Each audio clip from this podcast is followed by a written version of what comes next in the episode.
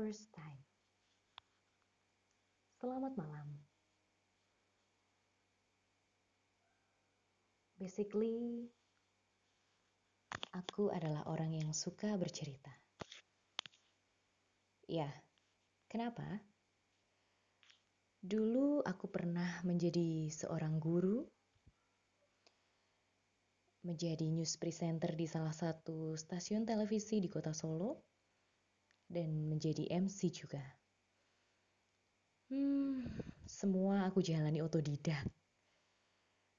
Aku nggak pernah belajar teknik menjadi guru, news presenter ataupun MC secara serius pada waktu itu. Ya hanya berbekalkan aku senang ngomong di depan umum. Tapi ternyata itu menjadi passion aku. Dan yang bertahan lama pada waktu itu adalah aku menjadi guru dan lebih tepatnya guru untuk anak-anak ya. Kemudian aku jadi MC. Untuk yang news presenter memang gak bertahan lama karena apa ya waktu itu aku masih sambil kuliah.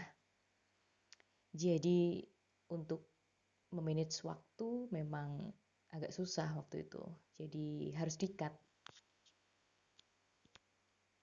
Oke, okay.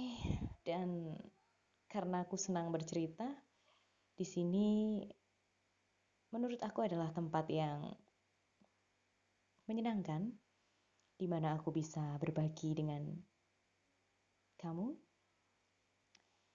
kisah dan kasih yang sederhana dari aku untukmu.